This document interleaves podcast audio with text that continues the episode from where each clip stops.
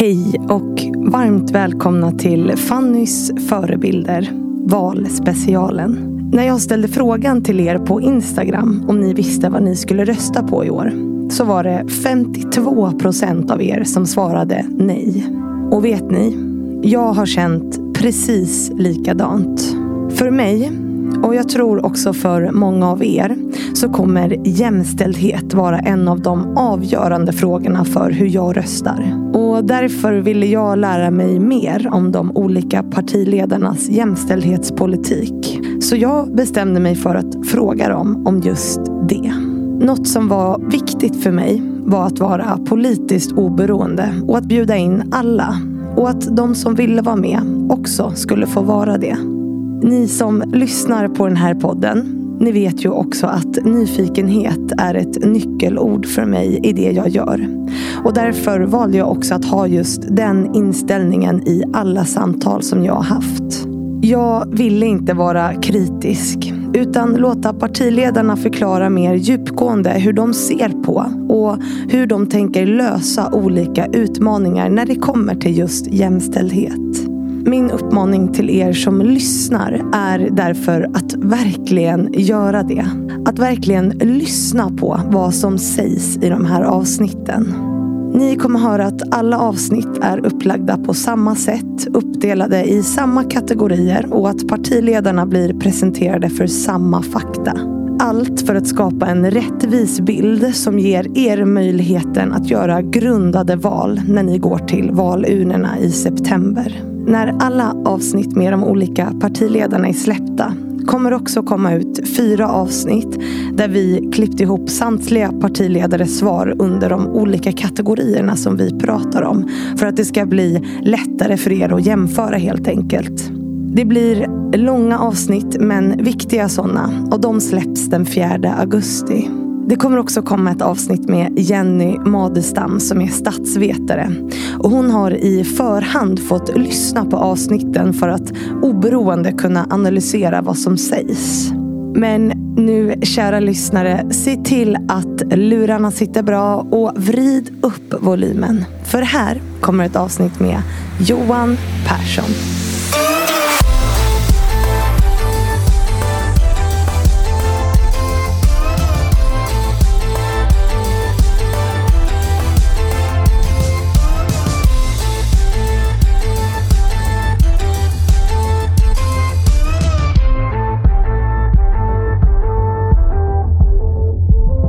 Då säger vi hej och varmt välkommen till Johan Persson. Tack så mycket. Jättekul att ha dig här.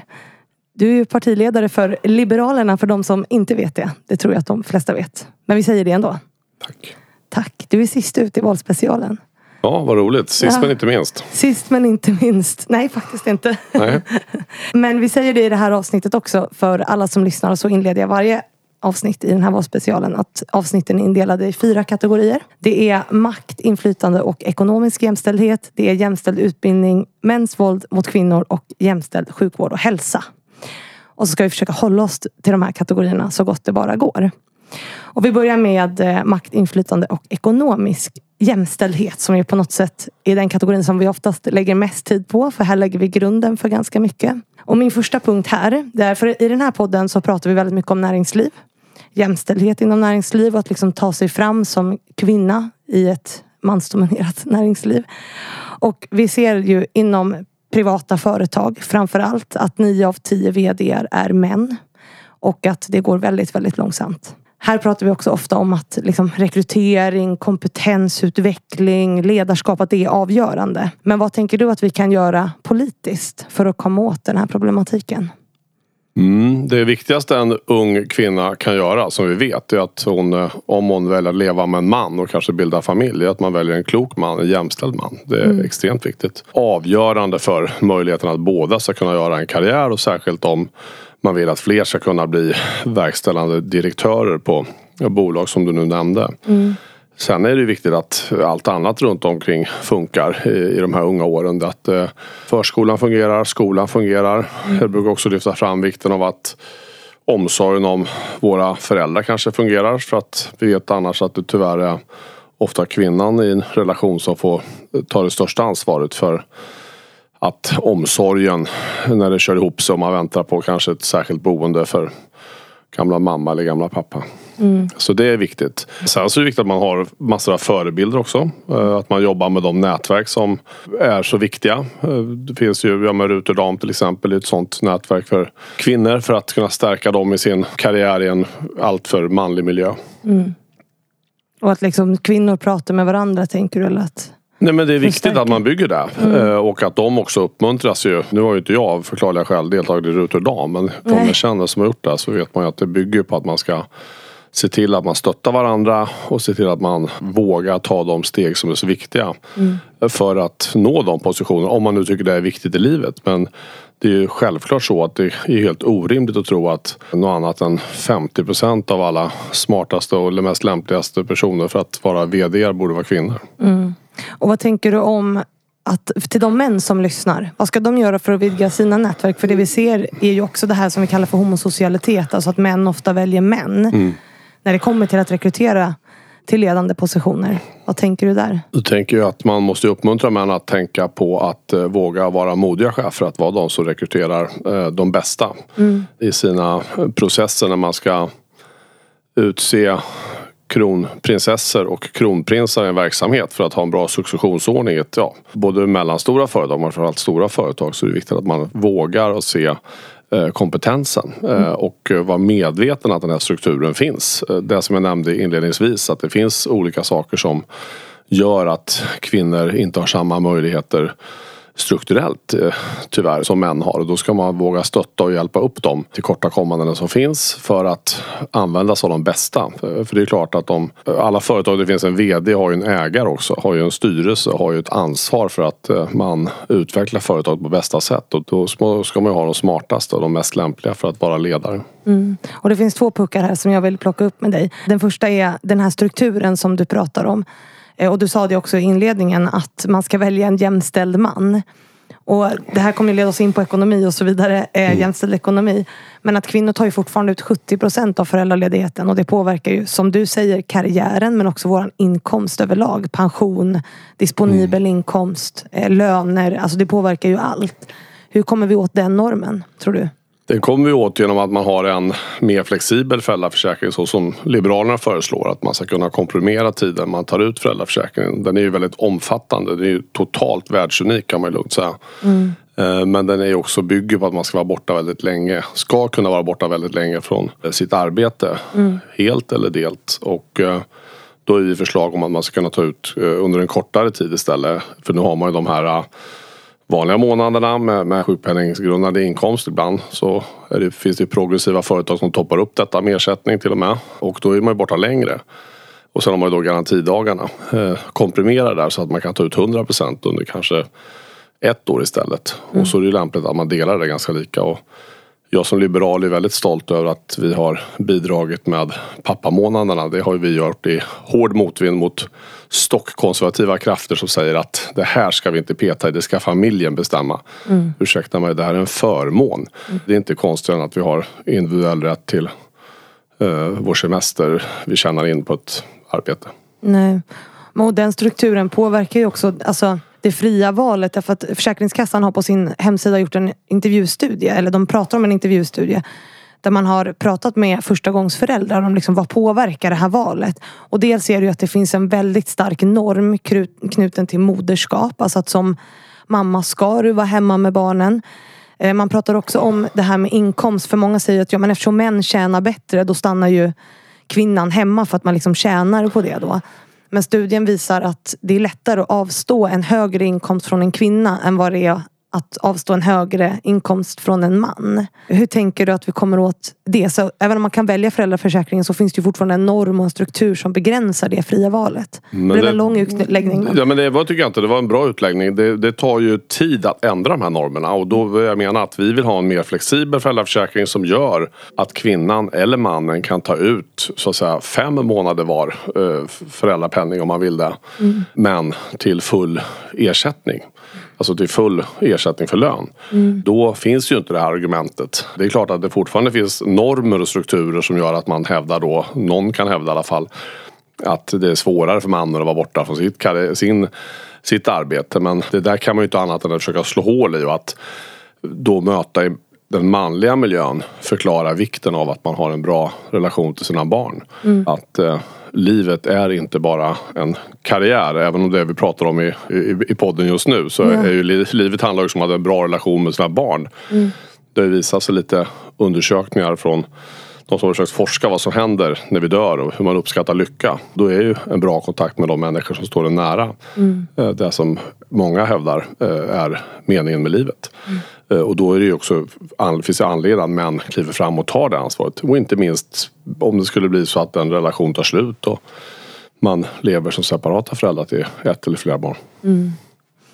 Och vi kom in på det här och vi sa att det här rör ekonomin för att det, föräldraledigheten påverkar karriär, inkomst. Och jag nämnde ordet disponibel inkomst som ju innefattar, för de som lyssnar nu som inte vet det så innefattar ju det både lön, pension, ägande, alltså aktiekapital och sådana saker. Och du var inne på ett ord som var ägande. Som jag ville plocka upp med dig. Därför att vi vet ju, Ownershift har ju släppt en rapport som visar att eh, män äger dubbelt så mycket som kvinnor i Sverige idag. Vad gör vi åt det? Ja, en sak långsiktigt är att uppmuntra kvinnor att spara. Eh, Spara i aktier. Eh, uppmuntra kvinnor att också våga ta steget att kanske köpa sin första bostad som vi vet har varit historiskt ganska förmånligt oftast. En sak vi tittar på just nu från Liberalernas sida är att vi vill förstärka det klassiska pensionssparandet. Vi har ju idag ISK som både många uh, unga kvinnor och män sparar i. Vi vet också att rätt som det är i livet så står man inför en investering i ett litet hus som man har köpt eller ett radhus eller en bostadsrätt och då är det väldigt lätt att man använder det ISK-kapitalet och sen försvinner det som man en gång kanske hade tänkt att ha långsiktigt för sin pension. Och då innebär ju det att de pe- pengarna försvinner och så blir de en del av en, den gemensamma ekonomin. Medan då eh, tjänstepensioner och sånt som ja, vi för den del också tycker borde vara obligatoriskt för alla. För vi har ju statlig pension, så kan det finnas ett privat sparande men sen är ju så själva tjänstepensionen, det är den pension man får när man eh, är på jobbet. Och den, eh, som det ser ut idag med många unga människor, inte minst i större städer som jobbar på tillfälliga jobb, så är det väldigt lätt att den där eh, tjänstepensionen glöms bort som en substantiell del, en viktig del av, av det sparande som man bygger upp. Och det bör vara obligatoriskt alltså, eh, för arbetsgivaren att betala. Och en annan del tänker jag är det här att Alltså att uppmuntra kvinnor att, att spara men också det här att starta företag tänker jag. Ja, verkligen. Eh, För det vet jag, har jag för mig, jag kan ha fel men att du och Liberalerna har pratat om innan. Att liksom uppmuntra kvinnor att starta företag. Men där ser vi också att 99% av riskkapitalet till exempel går till bolag grundade av män. Kan vi påverka det politiskt på något sätt? Ja, det gör man ju genom att via dem, för min del som företrädare för, för, för staten, för riksdagen, för kanske regeringen efter valet, vad vet jag. Så är det att använda de institutioner vi har. Där skickar man ju in kraftigt att till exempel stöd via Almi ska vara riktat på både män och kvinnor. Men att annat riskkapital som är mer privat, det måste man ju se till att det fördelas bättre. Och då är det att stödja de runder som skapas. Eller ja, det finns ju alla möjliga varianter på ja, det populära tv-programmet Draknästet eh, som man ska använda. För det är klart att den person som vill investera är ju i regel, har ju kommit så långt i sin utveckling att han eller hon eh, är mer intresserad av kanske en, en bra produkt eller en tjänst eller ett problem som ska lösas eh, än könet på den som har idén. Och då gäller det att man vågar eh, få dit eh, tjejer också. Mm. tror att det handlar här, här handlar det också en del om liksom strukturer och normer tänker jag. Ja men det gör det. Och när jag satsar på. träffar unga människor nu, nu det finns ju verksamhet i, i gymnasieskolorna som heter Ung Företagsamhet så tycker jag att jag möter lika mycket unga begåvade kvinnliga entreprenörer, mindre entreprenörer som, som jag gör som, som är killar. Så att det, det, det finns ett gott hopp i den delen. När man började med Företagsamhet så var det väldigt tydligt att det var mycket fler unga killar som tyckte de hade en jättesmart idé. Och vi fortsätter på disponibla inkomster tänker jag. Vi avhandlar det. För du var inne lite på pension och pensionssystemet som ju är en väldigt stor del av det här stora gapet i disponibla inkomsten. Vi har ju deltidsarbete, heltidsarbete, föräldraledighet och så pension som är en jättestor del. Jag menar, disponibla inkomsten har sett likadan ut sedan 1995. Det är 23 procents skillnad fortfarande idag. Hur, vad tänker du om pensionen? Vad gör vi där? Mer än det som du mycket av det beror ju på den, om man ser statistik, så har ju Sverige förändrats. Det är klart att det har kommit många kvinnor till Sverige som idag har mycket låg pension för att de har invandrat till Sverige. Det är ju så att säga, det påverkar ju de siffrorna. Men generellt sett så är det ju viktigt att se till att man jobbar, man är jämställd varje år du jobbar och den lön du då har upp till dess taket i den statliga pensionen är ju, är ju pensionsgrundande och, och påverkar din framtida pension. Både premiepensionen och den, den övriga pensionen. Sen tycker jag att, jag vill återupprepa till det där att man måste ha en bra tjänstepension också. Att det ingår. Människor som idag jobbar åt Epiroc, stort svenskt fint eh, industriföretag. Det både killar och tjejer där får ju en tjänstepension fackligt framförhandlad och, och, och det är ju viktigt att den finns med om också väljer en annan anställningsform eller annan anst- eh, arbetsgivare så att inte det bara försvinner och då tycker man det är bra att man får en lite högre lön tillfälligt eller man, om man fakturerar eget bolag då försvinner det där så glömmer man spara in det. Och om relationer tar slut så är det viktigt att man ska kunna dela på pensionspoängen. Det finns en viss möjlighet att, att dela med sig men det borde vara så att eh, större del av pensionen ingår i en bodelning till exempel om relation tar slut efter 10, 20, 30 år. Mm, för den som drabbas allra, hår, allra hårdast av en skilsmässa är ju oftast kvinnan. De Och då- går ju oftast, och det släppte, också Ownershift kommer upp här flera gånger nu, men de släppte ju en rapport om det också. Att kvinnor går ut som förlorare liksom ur separationer. Ja, och då är, ju, då är det ju den breda ägande frågan att man måste hela tiden påminna unga män och kvinnor att de är noga med samboavtal. Eh, Och är man gift så ska man veta om sin rättighet och då kan man förstärka den rättigheten tycker Liberalerna genom att en större del av pensionen ska kunna ingå i en, i en bodelning för det har ju ändå varit en del av den inkomst som har kommit till familjen som då har haft sin, eh, ja, sitt rättsliga skydd i, i ägande och förmåga att flytta både tillgångar och skulder på grund av äktenskapet. Där man har varit två så att säga. Mm. Och du var inne på en viktig punkt när vi pratade om det här eh, och det var utrikesfödda kvinnor. Där vi ser att 2020 så var 45 procent av Sveriges utrikesfödda kvinnor arbetslösa. Och det är också de som liksom redan tjänade sämre eh, som drabbades hårdast av coronapandemin. Vad tänker du, vad gör vi åt, åt det? Ja, det är ju se till att man har man blir bättre förankrad på arbetsmarknaden. Eh, alltså, om du, menar du drabbades av coronapandemin att man, hade, man jobbade i skolan eller Ja, som undersköterska man- eller på, både i sjukvård eller omsorg? Eller? Ja, att man förlorade jobbet. Eh, Ja, ja men då, det är ju en sak precis. Det, det handlar ju bara om att vi ska bekämpa pandemier och katastrofer i största allmänhet. Och se till att unga människor har en eh, stark eller om man har invandrat en, en starkare förankring på arbetsmarknaden. Det är ju det, är ju det så, så att man, man hela tiden tänker på att vidareutbilda sig. Och det är jag glad att vi nu har det här starka omställningsstödet eh, och det har ändrat arbetsrätten under den här mandatperioden. Som gör det eh, att man får mer tillgång till omställningsutbildningar och eh, det gör att man verkligen kan så att säga, lära under hela livet och utbildas under hela livet. Och det är en, en väldigt viktigt, eh, viktigt steg framåt och det påverkar inte minst kvinnor som då kanske har börjat sin, sitt yrkesarbete i en, med, med lägre utbildningsnivå och så kan vidareutbilda sig. Finns det något mer vi kan göra för att stötta upp det där politiskt, tänker du? Ja, men det är att jobba mot de breda normer som finns. För det är klart att eh, vi pratade om att det är för få kvinnliga VD på många bolag i Sverige. Men den stora ojämställdheten finns ju hos de människor som vi nyss pratade om. Människor som är, har har lägre inkomster och kanske både mannen och kvinnan inte jobbar. Att vi måste ju då om vi ska klara integrationen till exempel så ska vi fokusera på kvinnor. Det finns ju goda grunder att hävda att om man integrerar en, en kvinna som har till exempel invandrat till Sverige så integrerar man mycket lättare hela familjen. Det finns otroligt mycket att vinna på eh, positiva vinster på om, om, om kvinnan blir mer självständig i, i alla relationer och det gäller ju särskilt om man kommer från väldigt, väldigt patriarkala strukturer. Eh, Vi har kommit långt i Sverige men, andra länder har ju kommit ja, betydligt eh, kortare så att säga. Vi ligger ju under Europasnittet nu faktiskt när det kommer till kvinnor i VD-positioner. Eh, Jag tror att det ligger på 8 procent i Europa och vi ligger på 7,8. Så vi börjar halka efter faktiskt. Har Nej, men då måste vi titta på föräldraförsäkringen. Man kan inte äta kakan och ha den kvar. Vi måste vara tydliga med att föräldraförsäkringen är en viktig del av att kunna bli förälder och få en bra och nära kontakt med sina barn.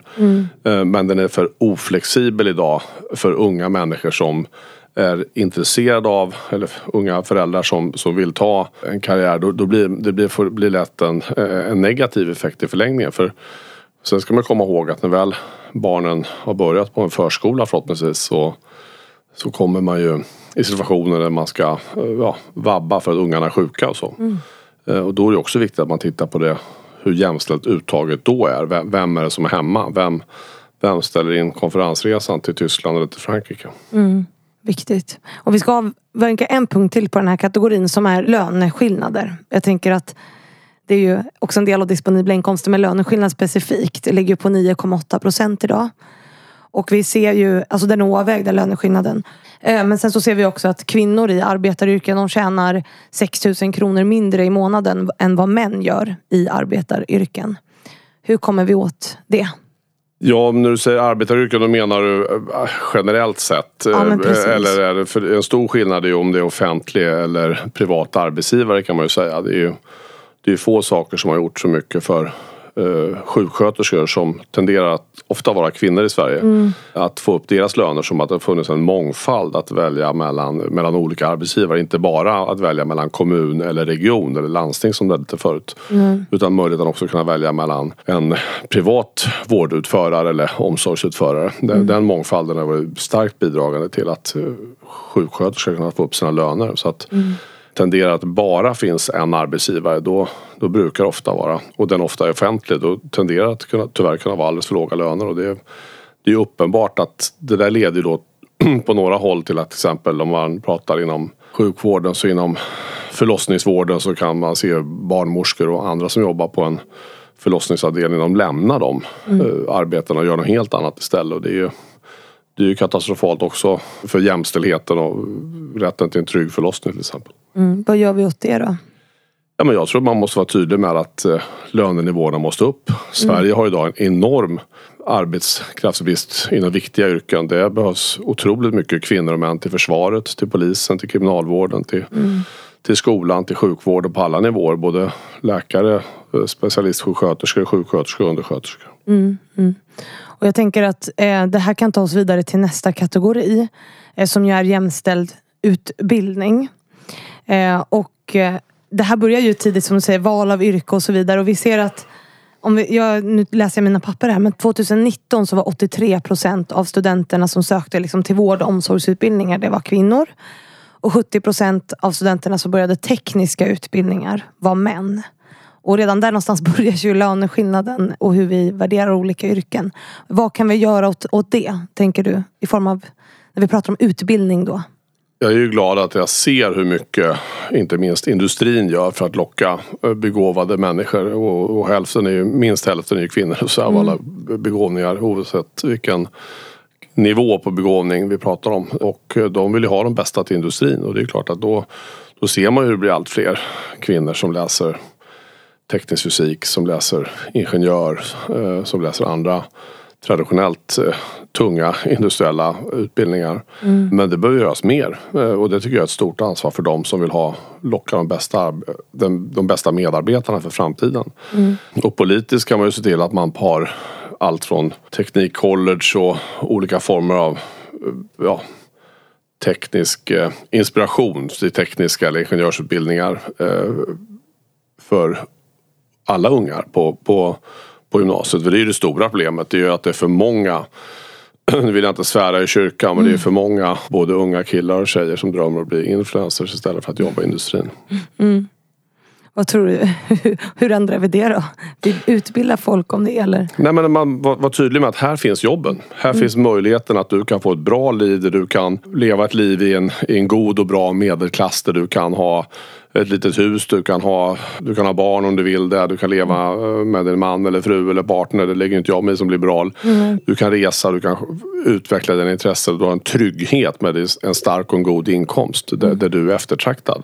Och det måste du bli bättre på att eh, förklara. För Ibland finns hos unga människor en skev bild om vad livet ska innebära. Man, man känner en väldig stress och så vill man, tror man att livet går ut på att bli uppmärksammad.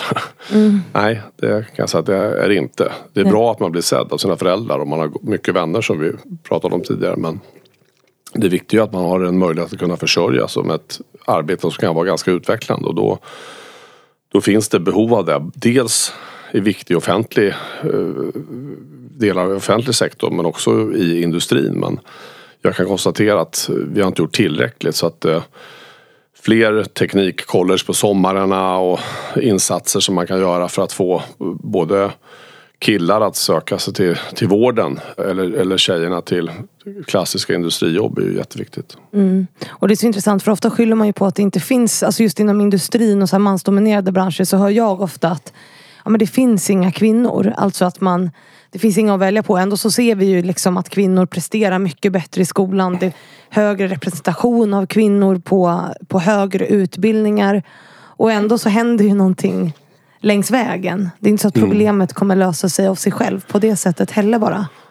Nej, nej men det är ju ett jätteproblem åt andra hållet om man ska peka på det faktum att vi har allt fler det blir för många unga män som är lågutbildade och det är, det är inget bra. Jag måste tyvärr varna för att risken är stor att de uh, männen inte blir särskilt uh, glada och särskilt lyckliga och särskilt bra utan de kommer bli föremål för rättsväsendets insatser i framtiden mm. uh, på väldigt tragiska sätt.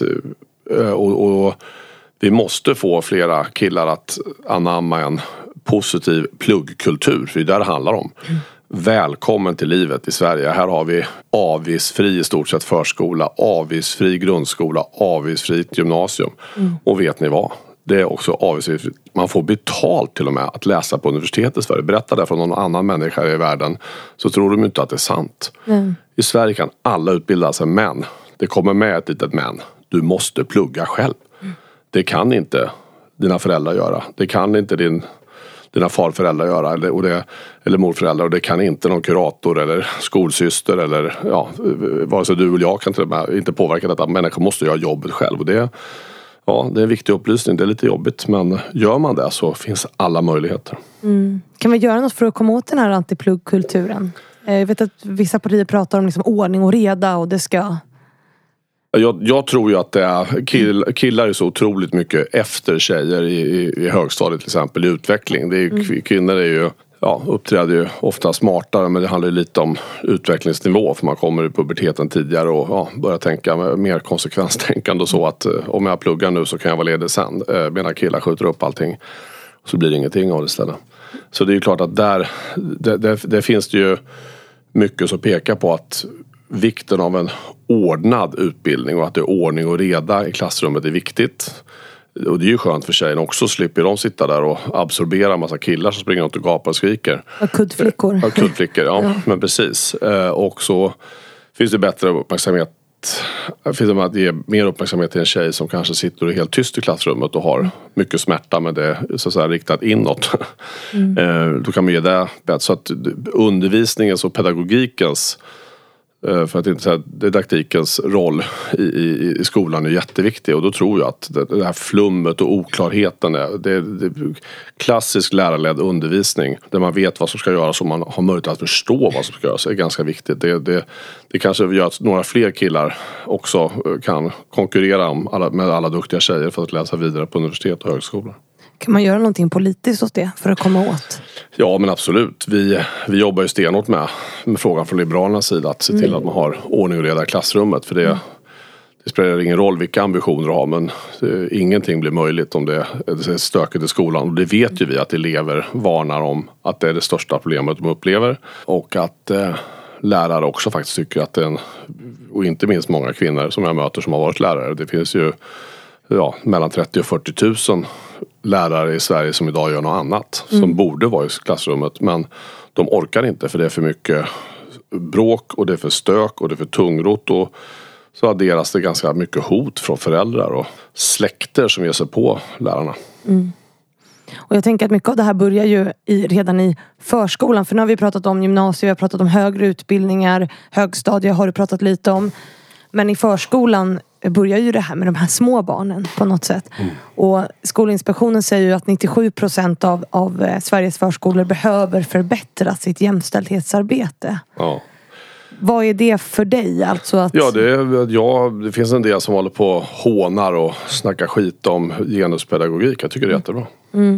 Vad innebär det för dig med Ja, men det innebär att man möter pojkar och flickor tidigt med deras olika förutsättningar. Tjejer har mycket mer fingerfärdighet, eh, med, eh, motorik. Killar har ju inte det. Lite mera pang på, lite enklare sätt att uttrycka sig. Och att man möter detta på bästa sätt och, ger chans till både små tjejer och små killar att utvecklas efter sina personliga förutsättningar och inte efter det kön som man råkat födas i. Då, kan man inte möta alla på lika sätt. Så därför tycker jag att det finns alla poänger med genuspedagogik. Mm, och vad, hur... För jag vet att många har ju inte tid med det liksom. Nej, nej, men då, vi- men Ja. vi har ju ändå utvecklat det på ett sätt i Sverige så vi ligger långt fram. Sen är det klart att få, få ner det på, på vardagsnivå i förskolans multronet i staden X. Det är klart att det tar ju, det tar ju tid och handlar också om resurser. Ambitionen är god. Jag, mina barn börjar bli stora nu. Jag har ju två, två döttrar och två söner. Men de har ju mött redan under sin förskoletid de, de lyft och de insatser som har gjorts för att förklara det här med både vikten av matematik och vikten av jämställdhet och så. Det har ju varit fantastiskt att se och det tror jag har gynnat både mina döttrar och mina söner. Men vad kan vi göra politiskt för att hjälpa liksom förskolepedagoger att kunna jobba med genuspedagogik på ett sånt Ja, det är ju dels vidareutbildning för att förstå det mest eh, basala och uppdatera sig i sin egen kunskap. Det kanske var många år sedan man läste till förskollärare och man har jobbat några år. Så att det är ju, den vidareutbildningen är viktig och att det här ska vara då en en viktig del tillsammans med andra saker som är aktuella i samtiden. eh, Oavsett om det gäller risker för barn som far illa eller som hotas eller är hedersrelaterat eh, våld och förtryck. Alltså den dimensionen som är så vanlig idag. Det är viktigt att man får en vidareutbildning. Och det har gjorts mängder, olika former av förskolelyft och jag ser gärna att man fortsätter i den riktningen. Bra. Det är en punkt till som vi ska avklara på den här kategorin. Och det är att flickor i årskurs 9 presterar ju mycket bättre. Vi har varit inne lite på det. Eh, De har mycket bättre resultat i skolan. Högre krav på sig själva och mår också mycket sämre psykiskt. Vad kan vi göra åt det? prata om det. Att eh, diskutera varför, varför det finns krav på att man ska vara på ett sätt, visst sätt presterande. Nu pratar jag inte bara i skolan. Men det är klart, finns det osunda krav från föräldrar om att Ja då borde man flytta hälften av kraven och sätta dem på killarna i så fall. Så är det väl bättre att de mår lite dåligt också. Ja, missförstå mig inte. Men, Ja, nej, nej, nej. jag förstår vad jag menar. Det är liksom de, låga förväntningarna som finns på unga killar. Det är ju skrämmande. Och då kanske man har för, samlat för höga förväntningar på sig. Men jag tror också att de sätter, tar på sig egna förväntningar om att man ska liksom vara på ett visst sätt. Och eh, den här samhället vi har skapat med alla dessa kanaler och, och möjligheter att få uppmärksamhet har ju gjort att det har blivit en, en, en hets på att man ska, ja, man ska göra rätt saker, och man ska ha rätt sociala nätverk och man ska bete sig så. Jag tror att det kan bidra också. Det är inte bara så att säga, eh, nationella provet i matematik som skapar, skapar ångest. Det det är helt normalt att vara nervös för nationella provet i matematik. Det är alla människor varit och kommer alltid att vara. Så det, det får man lära sig leva med. Kan vi göra något politiskt för att liksom hjälpa de här unga flickorna? Jo men det är ju mycket av den verksamhet som finns inom skolhälsovården att förstärka den och att man når ut tidigt tidigt för att liksom mota kan man säga, mota Olle i grind, men man kan säga mota Olle och Lisa i grind. Eh, att se till att man, eh, att man pratar om det här att det finns en, en del i livet är ångest, eh, press och det är helt normalt. Annars är man inte människa. Det är hela idén med människa att, vara, att vi är lite ångestdrivna.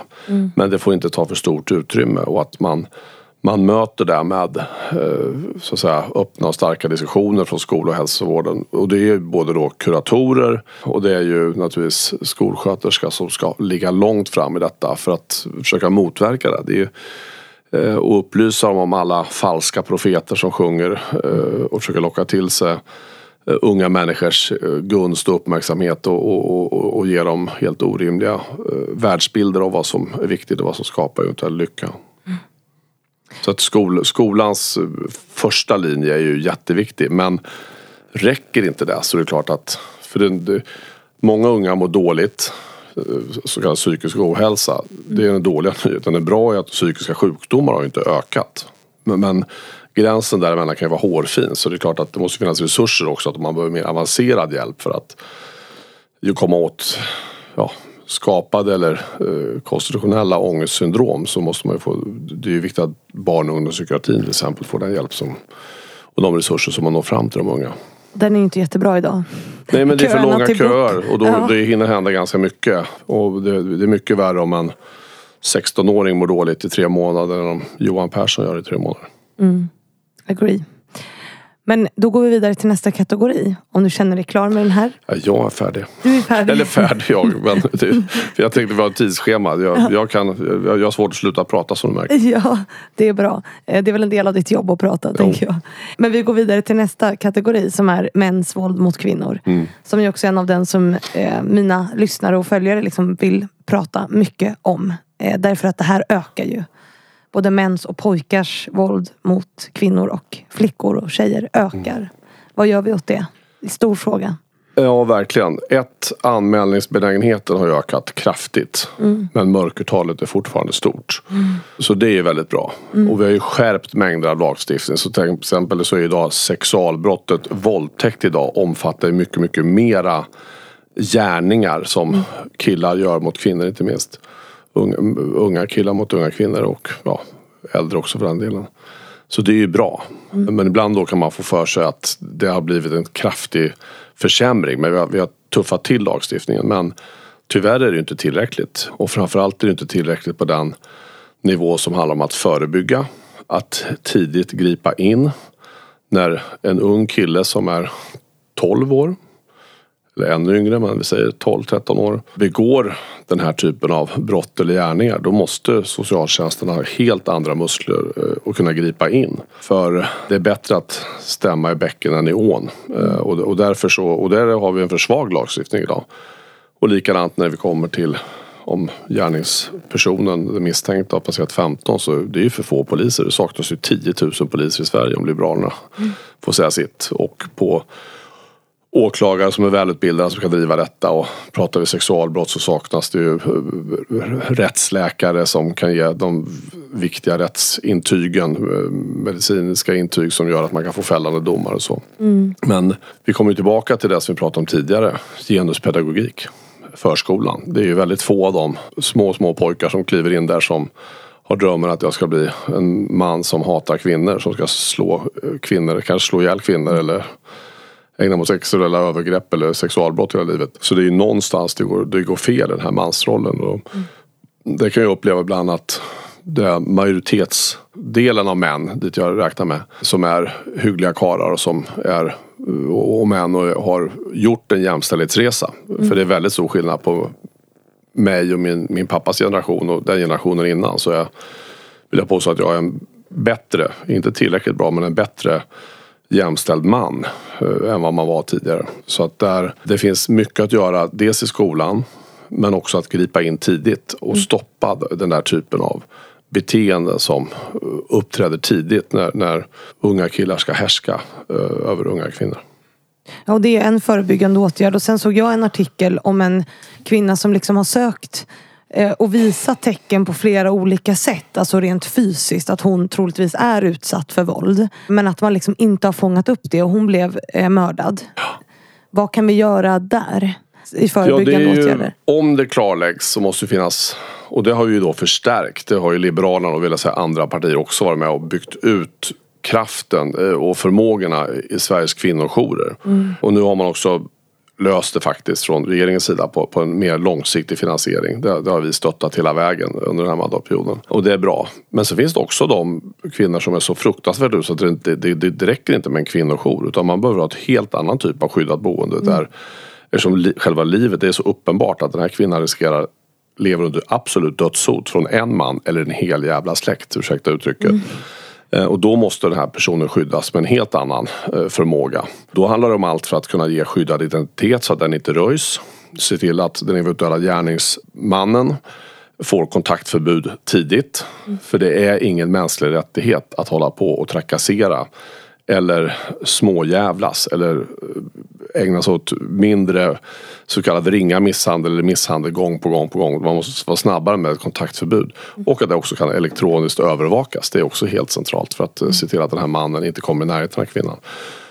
Och att området för detta kan vara mycket, mycket större. Det vill säga att kvinnan kan ha rätt att vara helt skyddad i en kommun. Kommer mannen i närheten då kommer polisen och tar honom. Mm. För de, man blir oftast, eller de, de som blir mördade är ju oftast de som har anmält. Det, ja, det, ju, det, blir ju i sig en risksituation ja. att våldet riskerar att öka. Eh, och jag pratar med, med alla poliser som jag har träffat genom åren på, mm. på grova brott med, med hotade kvinnor. Mm. Så, så är det, ju, det är ju så otroligt tragiskt när man hör om alla fall där, där anmälningar dras tillbaka. Och då är det viktigt att det finns tidiga videoförhör, att det finns den här medicinska eh, kvalitetsbevisningen mm. och att man med andra sätt kan, eh, teknisk bevis till exempel, telefonavlyssning och så kan rulla tillbaka eh, kommunikationen på, på, på den misstänkta gärningsmannens sida och få tillgång till exempel digital kommunikation och sånt för att kunna binda honom vid brottet. För kvinnan kan ju vara paralyserad och, och av olika skäl inte våga, våga eller orka fullfölja en anmälan mot eh, den här gärningspersonen. Ja, för kvinnan blir oftast offer två gånger. Liksom. Dels Verkligen. blir hon utsatt för våld och sen så måste hon liksom lämna sin familj. Allting liksom. Så att samhället blir ju också ja. en förövare. Och ändå så är det så idag att hälften av Sveriges kommuner saknar skyddat boende. Och även traumabehandling. Alltså både för de här kvinnorna och för barnen. Mm. Men då ska jag väl slå ett, ett försvar att det är många kommuner. Vi har ju så att säga 290 kommuner och mm. många är väldigt små. Så att säga. Och det är klart, då har ju de gemensamma eh, kvinnojourer. Och det, sen finns det ju kommuner som ja, slarvar med det också. Att man inte är med tre kommuner som tillsammans finansierar en, en kvinnojour i en kommun. Ja, mm. Någonstans som är nära för alla tre kommunerna. Så att då, då blir det så att det, det, kanske inte ska finnas i varje kommun för en del är så fruktansvärt små så du vet alla, vad, vad, ja, det, det finns en bensinmack och en kvinnojour i stort sett kvar i den där kommunen. Mm. Eh, en arbetsförmedling och en skola. Så därför så måste man se till att förstärka innehållet. Eh, och då är det som du säger nu med, med att man, det, det finns en ett innehåll i skyddet. Att inte bara man är fysiskt skyddad. Att man får, man får hjälp att ta sig vidare för att också orka bygga upp en kraft att kunna bryta med mannen. Mm. Så man inte kommer tillbaka eller träffar en ny man, en, en ny idiot med, med samma beteende och samma förmåga att eh, attrahera och eh, så att säga med sina narcissistiska eller sadistiska drag eller vad det nu är. Så hålla, hålla i den här kvinnan eller en annan kvinna. Och du var inne lite på, om vi lämnar liksom eh, våld i nära relationer så, eller mäns våld mot kvinnor som vi ska säga. Så pratade du om våldtäkt eh, tidigt. Ja. Och där ser vi ju att bara 5% av fallen leder liksom till en fällande dom. Och i anmälda fall så är det oftast bara hälften av de misstänkta som, som förhörs. Vad tänker du om det? Jätteöppen fråga. Ja det är det... väldigt svårt att veta exakt eh, varje enskilt fall. Men det är, mm. det, är, det är för få poliser som kan gå till botten och jobba med utredningar. Och det saknas 10 000 poliser. Det är, det är Liberalernas vallöfte, ett mm. av dem. Att det behövs 10 000 fler poliser. Mm. Men det gäller ju också med det här att kunna bygga upp en bevisning. För att en, en polis kan inte lämna, en åklagare leder om det är en våldtäkt utredningen. Så de, de kan inte gå vidare om, om det inte finns några bevis. Så man måste jobba med att ha en stark bevisakt. För att kunna, annars får man inte åtala folk. Och eh, jag är ju glad att vi, vi kunde gå vidare med den här samtyckeslagstiftningen. Men det visar sig nu att eh, det är klart att där, det, det hjälper ju inte i sak. En kvinna och en man om de är ensamma så är ju kvinnan utsatt. Mm. Eftersom mannen har regelrätt fysiskt övertag. Ja, för det var min nästa fråga. Så här, vi har ju en samtyckeslag i Sverige. Vad upplever du att den har gjort för skillnad? Liksom, för? Nej, men den har ju väldigt, det är väldigt viktigt att den är tydlig. Att när man pratar om sexualbrott och som, mm.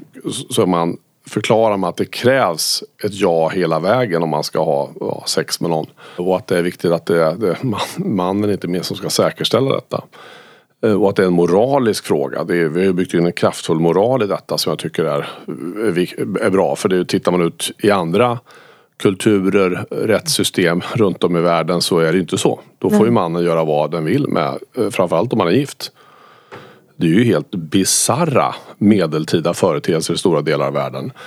Vi har tagit ett steg längre. Flera andra europeiska länder har följt efter och tycker att det här varit bra på samma sätt som vi gick vidare eh, fram ett steg före alla andra med, med, med lag mot barnaga eller så att kriminalisera sexköp. Så är det också ett sätt att visa man ska stå. Men sen i praktiken så är det, är det ju trots allt svårt för att jag har ju ingen jag tycker det är olämpligt att staten ska vara med i sovrummen så att säga. Mm. Men jag har andra problem.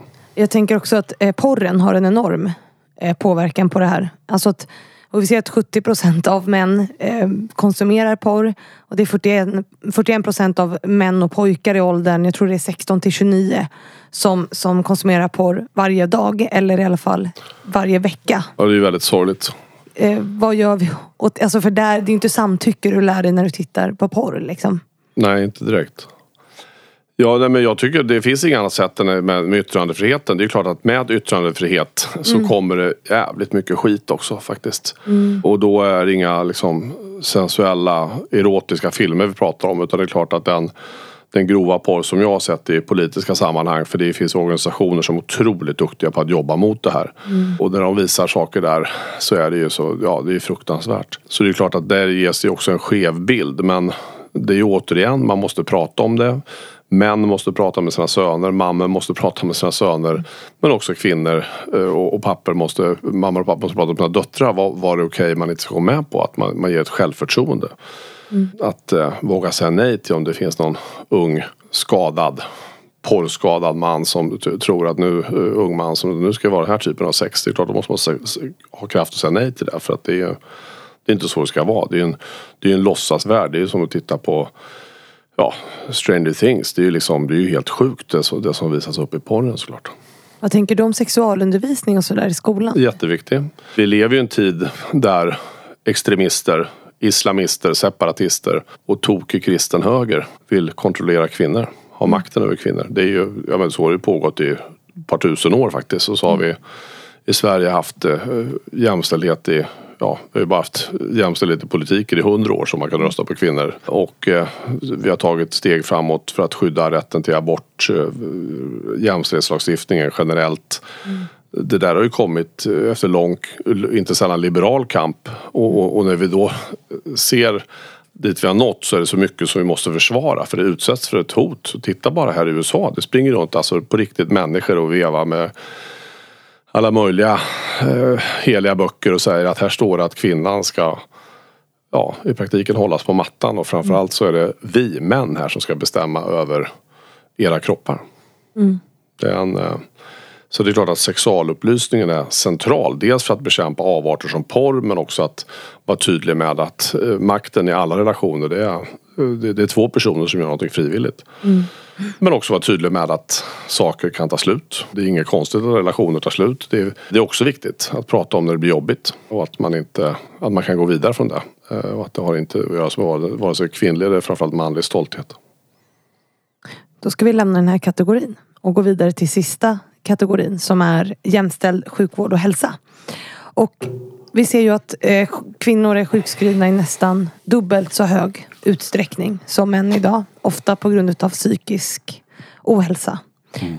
Vad gör vi åt det? Jag ställer bara sådana här öppna frågor ja. om all fakta jag presenterar. Nej men det är ju att man, för, vi var inne på att stärka barn och ungdomspsykiatrin. Det, om man tycker det är kö där så kan jag säga att det, då ser det ännu jobbigare ut att komma till den, den till exempel den öppna psykiatrin. Mm. Och där är det ju viktigt att liksom man, man fortsätter bygga ut den, att underlätta den. Att se till att personer på arbetsplatser där arbetsbelastningen är fruktansvärt hög och det är inte sällan offentlig sektor. Det, det, som sagt det finns ju en orsak till att rätt många kvinnor av de här lärarna som jag nämnde förut har lämnat skolan. Mm.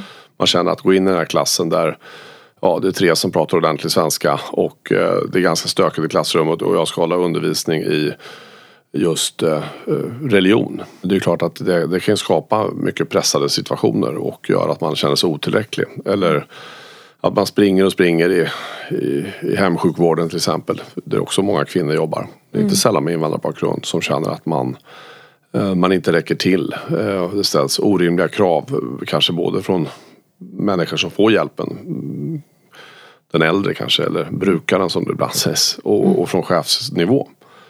Eh, så det är att man eh, man hela tiden försöker förebygga. Det, det finns inte så mycket annat att göra. Men parallellt med det så återigen, eh, lever man i, i ett jämställt förhållande så ökar ju chansen att man kan dela upp saker som är hemma vid. För det är ju, i regel är man ju åtta timmar på jobbet och sen är man ju åtta timmar och sover i bästa fall. Sånt jag drömmer om. Ja, precis. Eh, och sen så gör man något annat i åtta timmar. Och att den tiden inte bara blir att man blir en sambandscentral eller att man är den som sköter ett hushåll. Utan att man själv får tid för rekreation och återhämtning. För det är klart att det är, man kommer inte undan om, från att livet är, ja man måste utbilda sig, det är ansträngande. Man måste jobba, det är ibland ansträngande. Men sen måste man få tid till vila. Och det vet vi att det påverkar kvinnor mer. Att de inte upplever att de får vila något utan det när jobbet tar slut eh, som man får betalt för så återstår rätt mycket jobb hemma. Mm, det oavlönade arbetet så att säga. Ja och Det är det, skapar ju en stress och en press och en brist på för exakt hur roligt det är att laga liksom, eh, matlådor till familjen eller att eh, hela tiden. Men delar man på det så blir det ju åtminstone hälften så jobbigt. På. Det är en annan punkt som jag vill prata med dig om. Och det är att vi ser att, för i Sverige så har ju medellivslängden ökat i alla år. Men för första gången på 200 år, alltså sen indus, industrialiseringen, det där ordet är alltid lika svårt att säga tycker jag. Så ser vi att det är en demografisk grupp där medellivslängden minskar.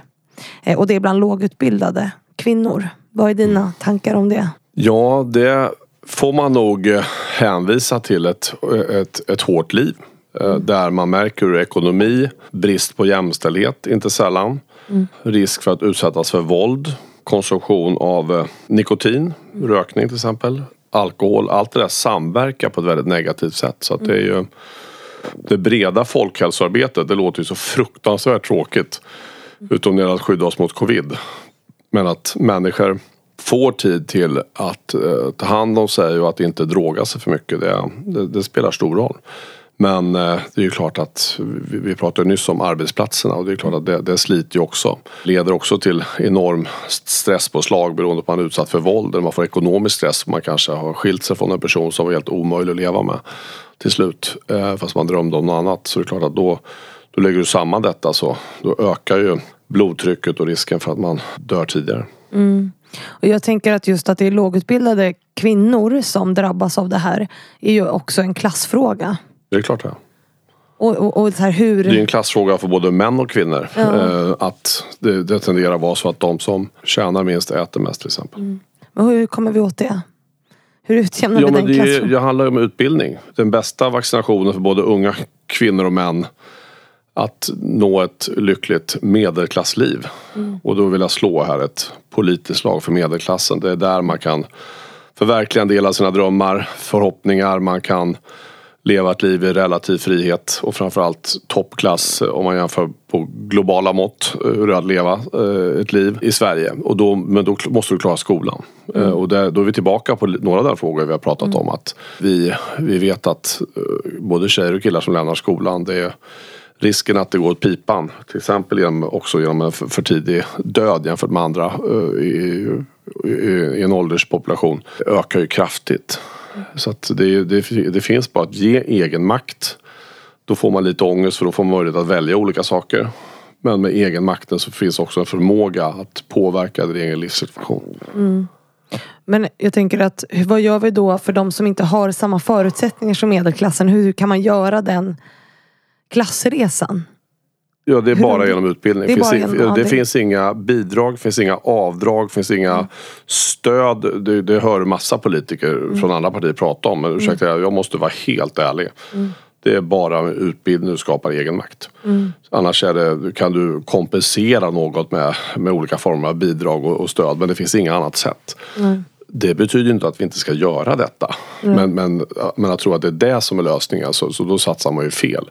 Det är bara genom att få eh, så att säga, fler. Och det är ju 16 000 unga människor som, både killar och tjejer som, som, som, som lämnar nian årligen utan att få tillräckliga betyg att komma in på gymnasiet. En del tar sig in ändå för man kanske läser på sommarlovsskola, man kanske går introduktionsklass och jackar i ganska bra. Men, men klarar man inte det då är, då är risken att man drabbas av både sjukdom och för tidig död och, och, och våld eh, ganska stor tyvärr. Och då är vi klara med alla kategorier. Hur känns det? Det är Bra. en varm sommardag. Ja, det är fantastiskt med, med värmen och eh, jag vill tacka för väldigt bra frågor och en angelägna frågor. Eh, och det är inte minst lätt för mig att se som har två, två unga män i min närhet och två unga tjejer, kvinnor i min närhet också. Hur man eh, hur de, jag har försökt att ha dem, ge dem lika förutsättningar. Eh, Men de är också olika som personer och det är inte alltid så att säga, avgörande vilket kön de har. Nej, det finns en komple- komplexitet i mänskligheten så att säga som Ja. är väldigt intressant. Och vad tråkigt det vore om alla var maskiner. Eller? hur? Ja, eller hur? Mm. Och jag brukar avsluta med en fråga eh, till alla partiledare. Där de får säga, om du fick välja idag. Så här, nu får du bestämma, vad gör vi när det kommer till just jämställdhet? Vad börjar du med? Vilken fråga? Ja, jag skulle ju då faktiskt fokusera på att se till att rättsväsendet fungerar bättre och möter alla kvinnor som utsätts för våld och veta att brottsoffer, kvinnor som utsätts för våld måste få ett, ett bättre och starkare hjälp. Det må- måste finnas fler poliser som både förebygger att män kan begå brotten. För det kan man göra genom att ha nära sådär, övervakning fysiskt. Dyka upp. Jag brukar säga det bästa som finns är ju när polisens hundpatruller gör sin lilla spårträning runt om områden där det bor kända våldsverkare, män som slår kvinnor. Eh, Det är ju perfekt, det ska ju de träna. Eh, Så då behövs det fler sådana, men också att klara upp de brott som faktiskt har begåtts. Det, det skulle vara en, en välgärning och öka tryggheten på sikt. Då säger vi tusen tack för att du har varit här. Eller jag säger tusen tack. Jag säga tack för att jag var här. Och tack kära lyssnare för att ni har lyssnat på det här avsnittet av Fannys förebilder, valspecialen. Det blir en intensiv period med många poddavsnitt. Så jag hoppas verkligen att du som lyssnar nu vill ta dig tiden att fortsätta lyssna.